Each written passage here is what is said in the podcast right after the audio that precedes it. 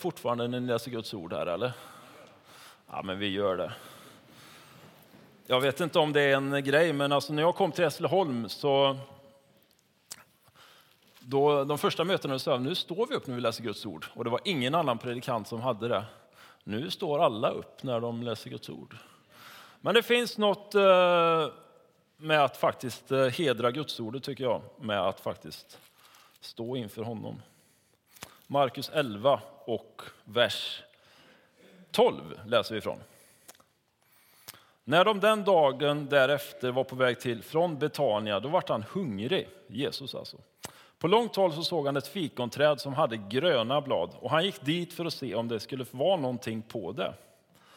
Men när han kom fram till trädet så fann han ingenting annat än blad. Var det då inte fikonens tid? Jesus sa till trädet, aldrig någonsin ska någon äta frukt från dig. Och detta hörde hans lärjungar. Så kommer de till Jerusalem och Jesus gick in på tempelplatsen och började driva ut dem som sålde och köpte. Han slog omkull borden för dem som växlade pengar och stolarna för dem som sålde duvor. Och han tillät inte att man bar något över tempelplatsen. Han undervisade dem och sade, är det inte skrivet, mitt hus ska kallas ett bönens hus för alla folk. Men ni har gjort det till ett rövarnäste. När översteprästerna och de skriftlärda hörde detta, då försökte de finna ett sätt att röja honom i vägen. Ty de var rädda för honom, eftersom alla människor var överväldigade av hans undervisning. Så snart det blev kväll så lämnade han staden. Och när de tidigt morgonen därpå så gick förbi fikonträdet så såg de att det hade torkat nerifrån roten. Petrus kom då ihåg vad som hade hänt och sa till Jesus, Rabbi, se, fikonträdet som du förbannade har torkat. Varsågod och sitt. Här är en intressant passage faktiskt. Och det som är... När Bibeln skrevs, då fanns det ingen postmodernism. Liksom det här att vi bryter ner allt i samhället i småbitar och jag har tolkningsföreträde. Du, din, din tro är säkert helt korrekt, men jag tänker så här. Du tolkar så där. Good for you, men jag tolkar så här. När gudsordet skrevs då fanns inte den här typen av tänk, utan det som var, var Guds ord. Och det togs emot som det var. Och det lite hoppas jag under den här predikan att ni ska få med er. Att vad säger Guds ord om den här texten? Inte bara vad har jag läst under alla år, utan vad säger faktiskt Guds ord? Och vad vill det forma oss idag? Eh, Jesus kan man tänka, för när han rör sig då från Betania som de övernattade i, då går de förbi Betfage och sen kommer de upp till Olivberget och sen vidare upp till Jerusalem. Och det är en bra bit att gå. Hade han liksom redan slarvat med frukosten här borta i Betania så att han var superhungrig när han kom till Betfage och så såg han trädet? va? Eller var han bara extremt sugen på fikon?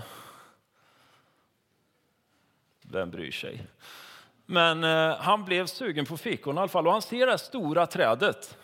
Och så står det att han förväntade sig på något sätt frukt. Och då kan jag undra, varför blev han så fruktansvärt arg?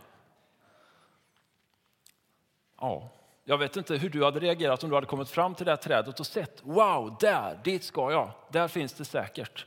Men det som vi finner i när storyn tar sin början, det är att se vad som händer den här tidiga veckan. Och följer man den här veckan liksom eh, från dag ett när han går in. För dagen innan då har han ju varit i Jerusalem och blivit hyllad som en kung. Han rider in på åsnan och folk hyllar honom och lägger ner sina mantlar för Jesus. Han rider in där och det är som pompa och ståt. Så går det en dag och sen gör han det här. Vad säger det? Och vad får det för konsekvenser? Jo, det, det är egentligen kickstarten på det som blir avrättningen för honom. De bara hatar hans reaktion. Eh, för när han kommer fram till templet, då har han först sett, kom ihåg då, då har han sett trädet här i Betania, Betfage, ursäkta, sett det stå i blom och tänkt att där finns det frukt. När han kommer till templet, då tänker han att här borde det finnas aktiv gudstjänst. Trädet gav ingen frukt. Templet hade förvandlats till ett rövarnäste. Eh, det här templet det var gigantiskt. Hur många som varit i Israel här och sett historier och så vidare på templet? Det är rätt många. Eh, byggnaden, själva, vanliga, själva, ja, själva tempelbyggnaden var 50 meter hög. En 25 meter hög mur runt. Tempelplatsen är ungefär 9-10 fotbollsplaner. Alltså det är ett gigantiskt bygge. Och den, de baxade fram stora stenkolosser på 50 ton med millimeterprecision. Och det, alltså det förtjänar egentligen, man skulle vilja veta hur lyckades de det och få den precisionen. Sen har ju templet rasat så att det finns inte kvar. Men bygget var så grandiost för Herodes den store som skulle bygga upp det här efter att det hade brakat. Han sa vi ska bygga världens finaste byggnad. Så man samlade in medel och så vidare. Man hade stora guldplattor på sidorna på väggarna. Så templet bara strålade finish, excellens, alltså prydnad, fint. Och det här hade man gjort liksom för Gud. För att här skulle man möta Gud. Så, så kommer de dit. De går in på tempelplatsen. Vad är det de finner? Och de finner ingen gudstjänst överhuvudtaget, utan de finner handel. De finner kommers, de finner pengaväxling. För att när man kommer dit och sen förväntar sig se någonting. Om du kommer till en gudstjänst så förväntar du dig se någonting. Och sen får man se allting annat istället. För templets identitet på den här tiden, det var att här bodde Gud. Templet var liksom Guds fysiska plats på jorden. Det var dess identitet, men det var också där som Gud hade lovat, här ska jag möta er, här ska jag möta era offer, här ska jag möta er tillbedjan, er lovsång. Det här ska vara ett bönens hus för alla folk. Och då kanske inte så konstigt att han blir så arg och reagerar som han gör när han kommer dit och finner att det är så mycket i det här huset som inte är gudstjänst gudstjänst med den tidens mått. Och så får han se detta. Och eh, då finns det en intressant passage här. För att Jesus och templet, man har liksom gjort klara anspråk på att här finns Guds kraft. Och för att förbereda för den platsen, då gick det inte att göra hur som helst. Man fick inte slarva med olika saker för Gud hade sagt att så här vill jag ha det. Det här har jag skrivit i mitt ord. Så här ska ni fira gudstjänst. Ni ska komma inför mig, ni ska komma till bönens hus och det ska få vara en plats där ni finner mig. Men för att ni ska finna mig, då kan inte slarva och göra hur ni vill. Ni behöver göra som jag säger. För jag är inte en demokratisk Gud. Jag är upphovsmannen till Guds ord. Och eh, det är nog kanske därför han blir så arg när han går in där och ser att de har, liksom, de har fått spelplanen, de har fått reglerna, de har fått allting. Men sen så har man bara, vi klarar oss ändå. Vi kör på. Ja, men vi, vi putsar lite här, vi putsar lite där. Och vi, istället för att hålla på med handeln och pengaväxlingen liksom långt utanför murarna, vi tar in det här istället. För det är ändå här människorna behöver göra sina förrätter. Så för att, inför påsken som hade varit, då färdas människor från liksom hela landet för att om man var en god pilgrim på den här tiden så åkte man åtminstone en gång till Jerusalem för att gå in i templet. Och bara för att komma in på den här platsen så behövde man liksom ta hand om sig själv och man behövde helga sig, alltså rena sig och be och på olika sätt. Så, vidare. så man var på något sätt värdig för att komma in. Och till vissa platser in på templet så tog det, det var en veckas förberedelse bara för att komma in i templet. Men nu hade man liksom egentligen konkat in sina djur och pengaväxlingar och grejer där istället och liksom på något sätt förorenat platsen. Och det är nog därför som Jesus blir så arg när han ser det här. Utan mitt hus som liksom var helgat åt mig. Det bästa. Alltså jag har ställt fram det bästa för er. För att när ni kommer hit, då kommer ni få möta mig. Och då kan inte jag umgås med synd egentligen. Det är det han säger. Utan då kommer jag inför er. Så att det är nog därför han blir så arg. Sen finns det en intressant passage här som vi läste i början som jag inte hade fått ljus över för ett, några månader sedan. Utan det här fikonträdet som står innan klämmer författaren Markus då, han klämmer ihop det till en story. Så de, som, de kommer, fikonträdet är ju initiala storyn. En ganska kort story, sen går man vidare till Jerusalem och sen kommer man tillbaka till den. Så han klämmer in Jerusalem och templet mellan de här två träden. Enda trädet egentligen. Och då är det intressant att se att här gör Jesus ett negativt under. Hans enda. Han gör ett, en kraftgärning som, för, alltså som sänker omgivningen istället för att förbättra den. Så fikonträdet blir en bild av templet. Det såg jättepraktfullt ut. Det var ett stort grönt träd. Och har ni sett fikonträd då vet ni att där finns det, alltså det är rejäla träd. Och de ser inbjudande ut. Och så kommer de till detta stället. Eh, så symbolhandlingen här blir att trädet som skulle kunna bära frukt gjorde det inte. Och så kommer man dit och så ser man, men får inte. Eh, både Jesaja 56 och Jeremia 7.11 som Jesus citerar. Det var liksom att templets huvudsakliga syfte det var att där tillber vi Gud tillsammans. Det är liksom prio ett. Vi samlas till ja, gudstjänst på den tiden för att tillbe Gud. För att han står i centrum. För att vi med våra liv ska tillbe honom för vem han är och för vad han har gjort i våra liv. Och då kan jag tänka så här. Vart är vi på väg någonstans? Vi är på väg till himlen. Vad gör vi nu? Vi förbereder oss för himlen.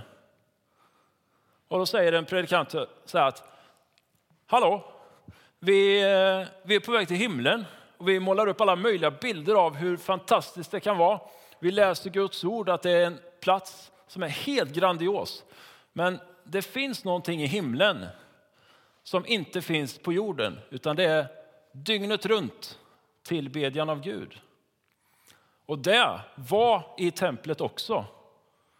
Det första templet anställde man 4 000 lovsångare och musiker för att förrätta tjänst dygnet runt. Hallå? 4 000. Det är halva Tibro. 4 000 pers som gjorde tjänst för att i Guds hus så ska det vara ständig tillbedjan av honom, den högste. Så när man kom in där så fortsätter man egentligen bara att tillbe honom tillsammans med de människorna som var avlönade av templet för att förrätta sång och tillbedjan. Det är ganska intressant. Det var avlönade människor tillsammans med prästerna som var liksom prio ett i Guds hus. Dit kommer Jesus och hans lärjungar och ser att platsen som var förberedd för Gud inte alls längre är förberedd för Gud. Så Guds nedslag hade tynat. Det var ingen kraft där längre för att man hade förorenat platsen. Och sen så då gör han sin rensning, eller rening kanske man kan säga. För om man ser det här symbolikhandlingen, dels med trädet och vad Jesus gör, så tar han ju egentligen bort synden från Guds hus.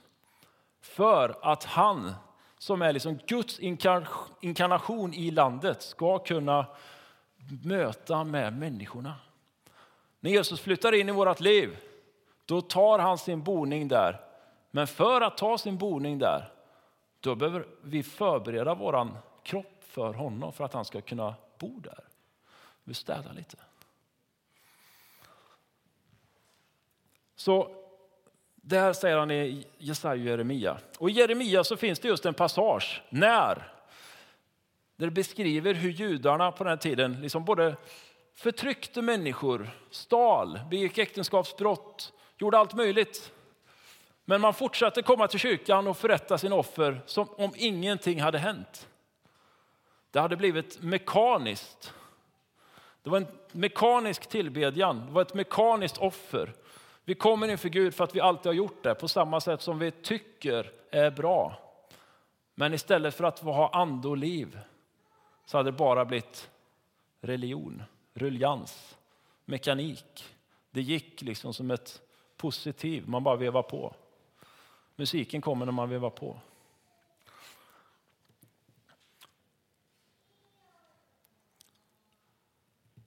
Kärnan i den här storyn är just det att Jesus han säger att ja, jag är eran kung. Jag är den som kommer med Guds kraft till er.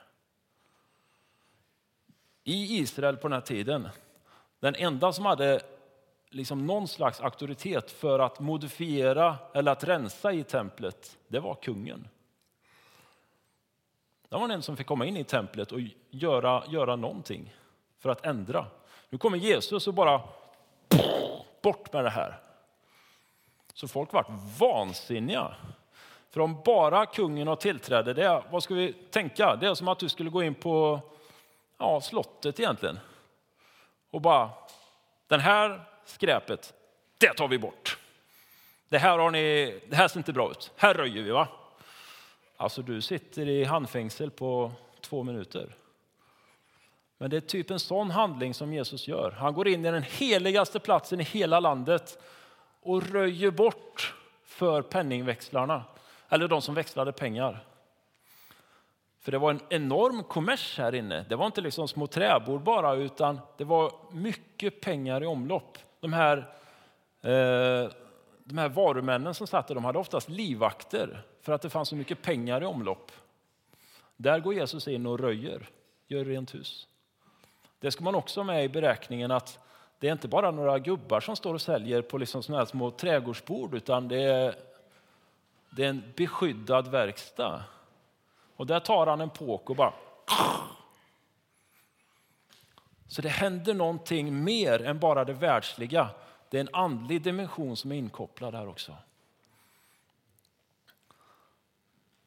Så Jesus han säger liksom att jag är en kung. Och precis som profetian hade sagt så skulle kungen återvända till sitt land. Sen fattade man inte riktigt det. Alla förstod inte att Jesus var Messias, men det är en annan story. Jag har en god vän, han brukar säga så här att vi bara längtar till eftermötet. Vet du varför? Jo, för där bryter det igenom. Det är det vi har laddat för hela veckan. Det är, bara, det är då det bryter igenom. Guds kraft i mitten av vår gudstjänst till profetia, till bön för sjuka, till att vara inför Gud. Jag kan tänka ibland så här, när vi kommer till himlen, vilket jag hoppas att alla här gör. Ska vi då stå liksom och skämmas för att eh, det är tillbedjan och pompa och ståt där? När vi nu redan liksom kan börja ta del av detta. Vi har fått en gåva av Gud att vara inför honom. Minst en gång i veckan i alla fall. På söndagar, och kanske fler gånger också. Alltså, det är något stort som står när man kommer inför honom, när Guds kraft på något sätt manifesteras mitt ibland oss. För att komma till en gudstjänst och tömma ut av sitt överflöd egentligen som vi gör. Jag vet inte vart ni tömmer ut ert överflöd annars. Men det finns alltså, vi har ju någonting inom oss och sen när Guds folk kommer samman, då finns det ju liksom sprängkraft. För vi bär ju på Gud, vi bär ju på hans heliga ande som bor i oss. Och den lågan har vi möjlighet att skicka vidare. När många tändstickor brinner in till varandra, vad händer då? Jo, det blir en övertändning. va? När du sett på något bröllop när man tänder massa ljus in till varandra och så ska det vara ett fint hjärta och sen rätt vad det så bara... Inte alls mysigt längre. Men eh, när Guds kraft är verksam, då är det mysigt. Då är det liksom power. Och eh, en eh, kollega, får säga, även om han är pastor i ett annat land, han gav oss den här bilden för några månader sedan. Att han hade en pickup som han skulle byta in mot en annan pickup.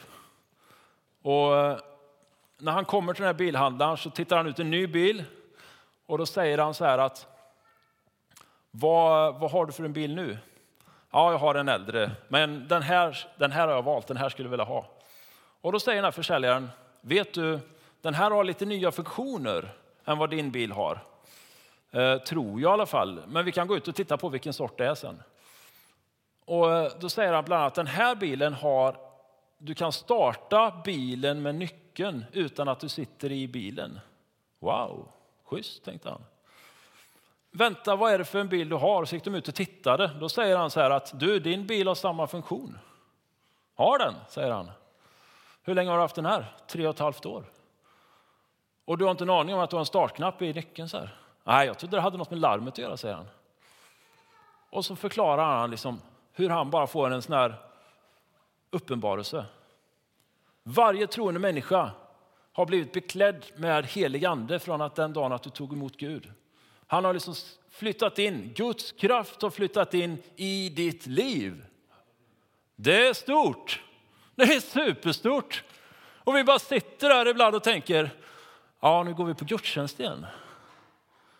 Vi går inte på gudstjänst, vi är kyrkan. Vi är en del av Guds folk i den här staden. När ska ni vakna upp och se att jag har en atomreaktor in i mig som kommer gå hur länge som helst. För att Gud har planterat något i mitt hjärta som kommer att sjösätta mig för tider som kommer. Och den här mannen som köper den här pickupen, han blir helt plötsligt varse om att han har haft en funktion på sin bil i tre och ett halvt år som han aldrig har provat. Och så han bara trycker på knappen och han ser hur hans bil startar.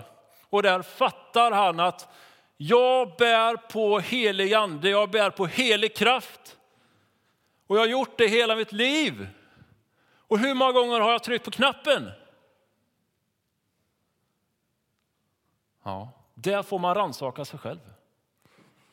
Men Gud, han har fina glasögon till oss som heter den helige Andes glasögon. När vi tar på oss dem, då ser vi vad han har för planer för oss. Vare sig du kallar det för din atomreaktor i din båt som kommer gå hur länge som helst, eller att du har den här nyckeln som du kan trycka igång, så framåt. När Guds folk kommer samman, mina damer och herrar, då borde det bli lite power. Då borde det bli lite drag, lite tryck. Här, vi sjunger våra sånger. Som, det här är ingen raljering för vad ni gör eller har gjort. Men jag vill att man ska tänka efter. Vad är det vi har? Vad är det vi har fått? Vad är det vi har fått av Gud?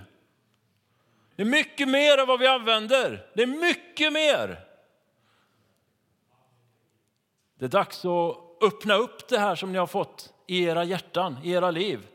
Alltså, annars så blir vi bara som paket under granen. För när vi, när vi blir frälsta, då får vi en fin gåva av Gud. Och jag vet inte någon unge som låter sitt paket ligga kvar under granen. Jag tar det någon annan vecka. Äh, paket liksom. Bara river av pappret. Men Guds kraft och Guds gåva och Guds kraft som var inkarnerad i templet. Det är paketet som vi har fått. Ska det få ligga under granen eller ska vi ta upp det och bekläda oss med de kläderna som Gud har för oss? För en tid som denna, när knappt tusen människor i den här staden känner Gud, åtminstone om man får se vilka som går till kyrkan. I en stad där det bor 10-11 000 ni skulle kunna öppna flera församlingar till innan den här staden är nådd. Men ska Guds folk som finns här ta sitt ansvar och öppna sina paket så att det får bli lite drag när man kommer samman. För är det någonting som jag tycker att varje församling ska symboliseras av så är det att när Guds folk kommer samman, då är Gud mitt ibland dem. Det säger texten. Vi sjunger sångerna. Vi sjunger till och med, och det var intressant att vi sjöng hos store Gud, för jag tänkte på den sången när vi träffades, eller när jag förberedde predikan. Vi sjunger otroligt laddade ord, att då brister själen ut i lovsångsljud. Alltså, själen brister ut Det är som wow! Då brister själen ut. Hallå? Vad är det vi sjunger? Vad är det vi förmedlar med våra läppar? Jo, att Guds kraft är på riktigt. Det är så bra så att det kan inte vara sant, så jag kan inte hålla det inom mig. Men hur verkligt är det när jag sitter i fikarummet med min jobbarkompis? Det var ett sidospår. Varje gång när vi träffas pastorer på pastorskonferensen då har vi ett möte som heter Inför Gud. Det har tre punkter. Lovsång och tillbedjan, 30 minuter kanske. Predikan, eftermöte. That's it. Inget mer. Ibland är det någon liten pålyssning i mitten, men vi är inför honom. Vi lyssnar på förkunnelsen. Vi är inför honom i förbön. Och det är inte att det går en sång och sen har det kommer inte fram någon på förbön och vi avslutar mötet nu. Det är ingen som har tanke på att sätta på potatis eller kaffe eller räkor eller något efteråt. Vi är inför Gud. Vi är här, vi tar, vi sätter av tid för honom. Vi sätter av resten av kvällen för honom. Och det får mig att tänka efter, vad är det som driver en människa idag? Är det passionen efter honom som har gjort allt för oss? Eller är det bara någonting jag alltid har gjort? Rick Warren, som har skrivit Församling med mål och mening, han skriver så här att det som definiera 2000-talets kyrka är inte mängden människor som kommer på gudstjänst, utan hälsan i gudstjänsten. Hälsan.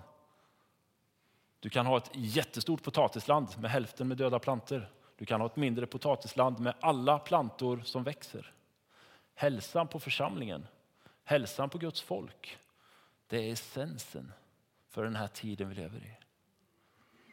Om vi känner Gud, annars så kommer vi vara som det här fikonträdet som ser fantastiskt ut.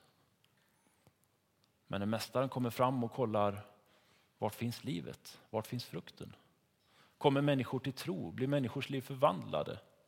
Får den helige Ande sitt spelutrymme? Bjuder vi in honom i mötet? Det finns flera tillfällen när man samlades för bön och tillbedjan.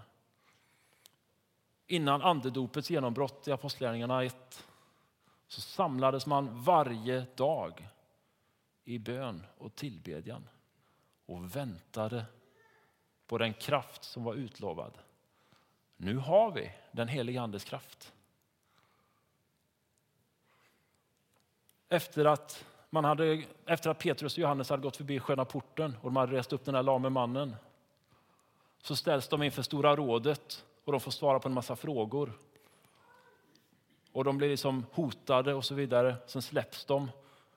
Så går de tillbaka till de andra lärjungarna och sen förenas man i bön. Och det är en sån maffig, mäktig bön så att när man har slutat be så skakar marken. Man kommer samman man är enig, man håller ut. Tre korta saker som jag tror vi har att kämpa med i vår tid. Oavsett om vi heter Tibro pingst eller Missionskyrkan i Karlskrona. Så är det att vi kör på. Vi har gjort det här länge nu. Vi är hundra år. Vi kan det här. Vi är bra på det här. Kolla så många lärjungar vi har rest upp. Men Guds kraft Guds tid är lika mycket idag som den var för 20 år sedan. Det går fortfarande människor som inte känner Gud i den här staden. När den här staden sitter här inne eller på något sätt är knutna till hemgrupper, då kan vi varva ner. Då kan vi ta det lugnt. Men när den här staden inte är nådd, ska vi fortsätta jobba. Kom igen, passion. Vi vill framåt. Annars så blir det att saker klockan två. Saker som inte var nödvändiga förut har blivit helt nödvändiga. Det första Adam och Eva kände efter syndafallet, vad var det? Oh Jesus, vi har inga kläder på oss. Det första man kände var behovet efter det som man aldrig hade haft behov av. Då kanske man, ah, men jag har hört alla predikningar, jag behöver inte höra mer. Jag har gått på alla eftermöten, jag har gjort det. Jag har varit på Nyhem, been there, done that. Torp, jag var där när jag var liten. Hjärtat är ljummet. Vi har hört allting, vi kan allting. Vi har gått på bibelskola, vi har gått på lärjungaskola, vi har gått på alfakurs, vi har gått i söndagsskola. Alltihopa, vi behöver ingenting mer. Och sen så blir hjärtat ljummet. Så istället för att dröja sig kvar och kämpa med sina bröder och systrar i eftermötet som kämpar med livet, så är vårt hjärta redan ute i foajén för att fundera på vilken kaka vi ska ta. Istället för att kämpa med sina bröder och systrar som verkligen lider i livet, så är vi redan på väg ut ur gudstjänsten. Lovsången har liksom blivit mekanisk. Bönen har blivit mekanisk. Alltså om våra hjärtan stannar hemma, även fast vi sitter här, ja men då är vi lite off track. va? Min mamma säger innan jag ska till fjällen, åk inte off-pist. Det kan hända saker där. Det är säkrast i backen. Den här kyrkan ska vara i pisten. Det ska inte vara off-pist, även om det är superroligt att åka off-pist. Skidor. Men församlingar ska hålla sig on-pist. Där finns Guds kraft. Sen kan vi åka off-pist när vi åker skidor. En helt annan predikan. Men Guds kyrka, församling, ska hålla sig på vägen. Och den ska kännetecknas av människor som längtar efter honom, som vill mer. Men som kommer, när de kommer samman, då finns det någonting där. Så när människor kommer dit och bara wow, här fanns det någonting. Här fanns Guds kraft, här fanns Guds liv. Det är det som vi ska vara kända av. Det sägs att den som dör av törst dör inte törstig. För att kroppen kan inte ni får rätta mig ni som kan sånt där. Men jag har hört att kroppen kan inte förmå att känna sån smärta till slut. Så kroppen stänger av. För det blir så törstig så att du bara... Kroppen stänger av. Det livgivande vattnet är Guds ord, den heliga Andes kraft, enheten i Kristus, frälsningen, dopet, andedopet, lovsången, tillbedjan. Vad är viktigt? Jo, att när Guds folk kommer samman, då är de enhetliga för Kristus. Då kommer Guds kraft förlösas mer än vad ni någonsin har sett tidigare. Om ni inte tror mig, åk på ett missionsmöte någonstans. I Afrika kanske. Behöver inte åka till Afrika för att Guds kraft ska förlösas. Men det handlar om vilken inställning jag har till honom. Det handlar om vad jag suktar efter. Så till slut så stänger kroppen av.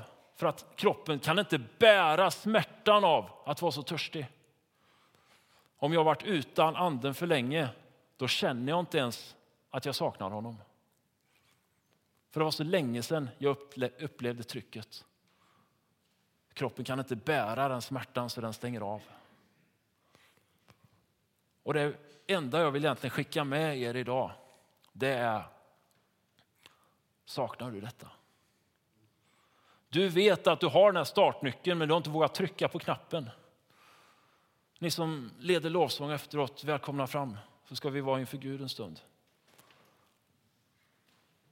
Jag bara undrar, jag vill inte hänga ut någon enda för jag har själv varit där. Men finns vi här som tror att vi klarar oss utan Gud? Har lovsången blivit mekanisk? Har gudstjänsten blivit på rutin? Är vi ute i foajén innan mötet är slut? Har vi glömt att dröja oss kvar fast en broder eller syster kämpar med livet? Orkar vi vara den där samarien en stund, även fast prästen och leviten bara gick förbi, för att se en broder som har det jobbigt? Det oväntade mötet vill jag vara den människan som sträcker mig lite längre så tror jag att det här är en stund av överlåtelse.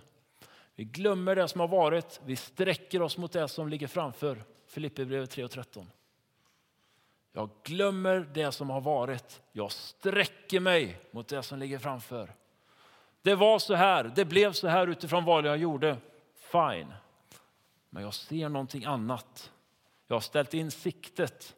Vad har jag ställt in siktet på? Jo, Jesus Kristus. Trons upphovsman och fullkomnare. Där finns kraften. Där finns livet. Ska vi ställa oss upp tillsammans?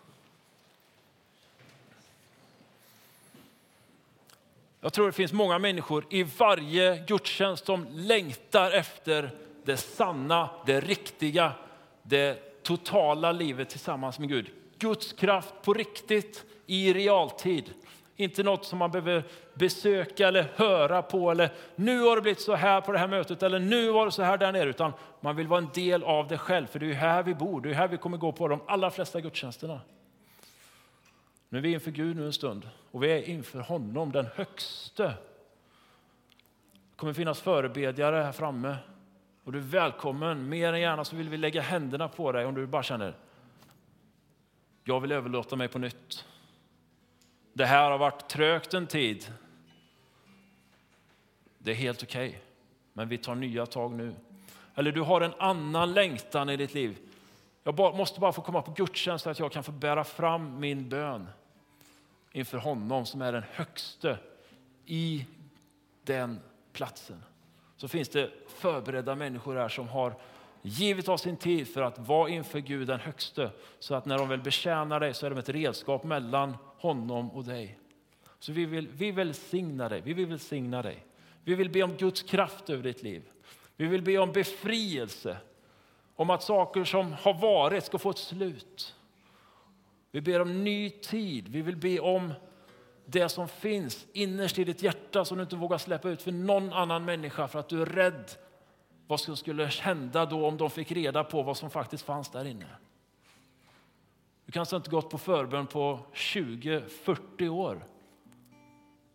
Men idag är Guds kraft lika ny, lika fräsch, lika aktuell som den var när du blev frälst för 50 år sedan. Guds kraft, Guds identitet har inte förändrats. Men vi har ibland valt att ta på Gud gamla kläder. Men han är lika fräsch och fri och relevant nu som han var på pingstdagen. Som på påskdagen, som när han kom till jorden. Vi ska inte vara fikonträd som blommar och ser praktfulla ut men inte har liv. Vi ska vara fikonträd som blommar, som ser praktfulla ut och bär frukt. Så när människor kommer till Guds hus eller till ditt hem så kommer de möta Gud. För att du är ju där. Du är Guds utsände på den gata du bor på. Du är Guds utsände till den här staden. Du är Guds barn, fött av honom, rik på nåd med en kraft inneboende av dig av helig ande som ingen kanske skådat innan. Men nu är vi för Gud en stund och så lovsjunger vi honom. Han har kallat oss att vara ett folk som har iklätt oss honom. Och han har kallat oss att vara ett, ett, att liksom ha ett bönens hus för alla folk. Med Jesus i centrum, med den helige Andes kraft. På riktigt, varje dag. Amen. Amen. Varsågoda.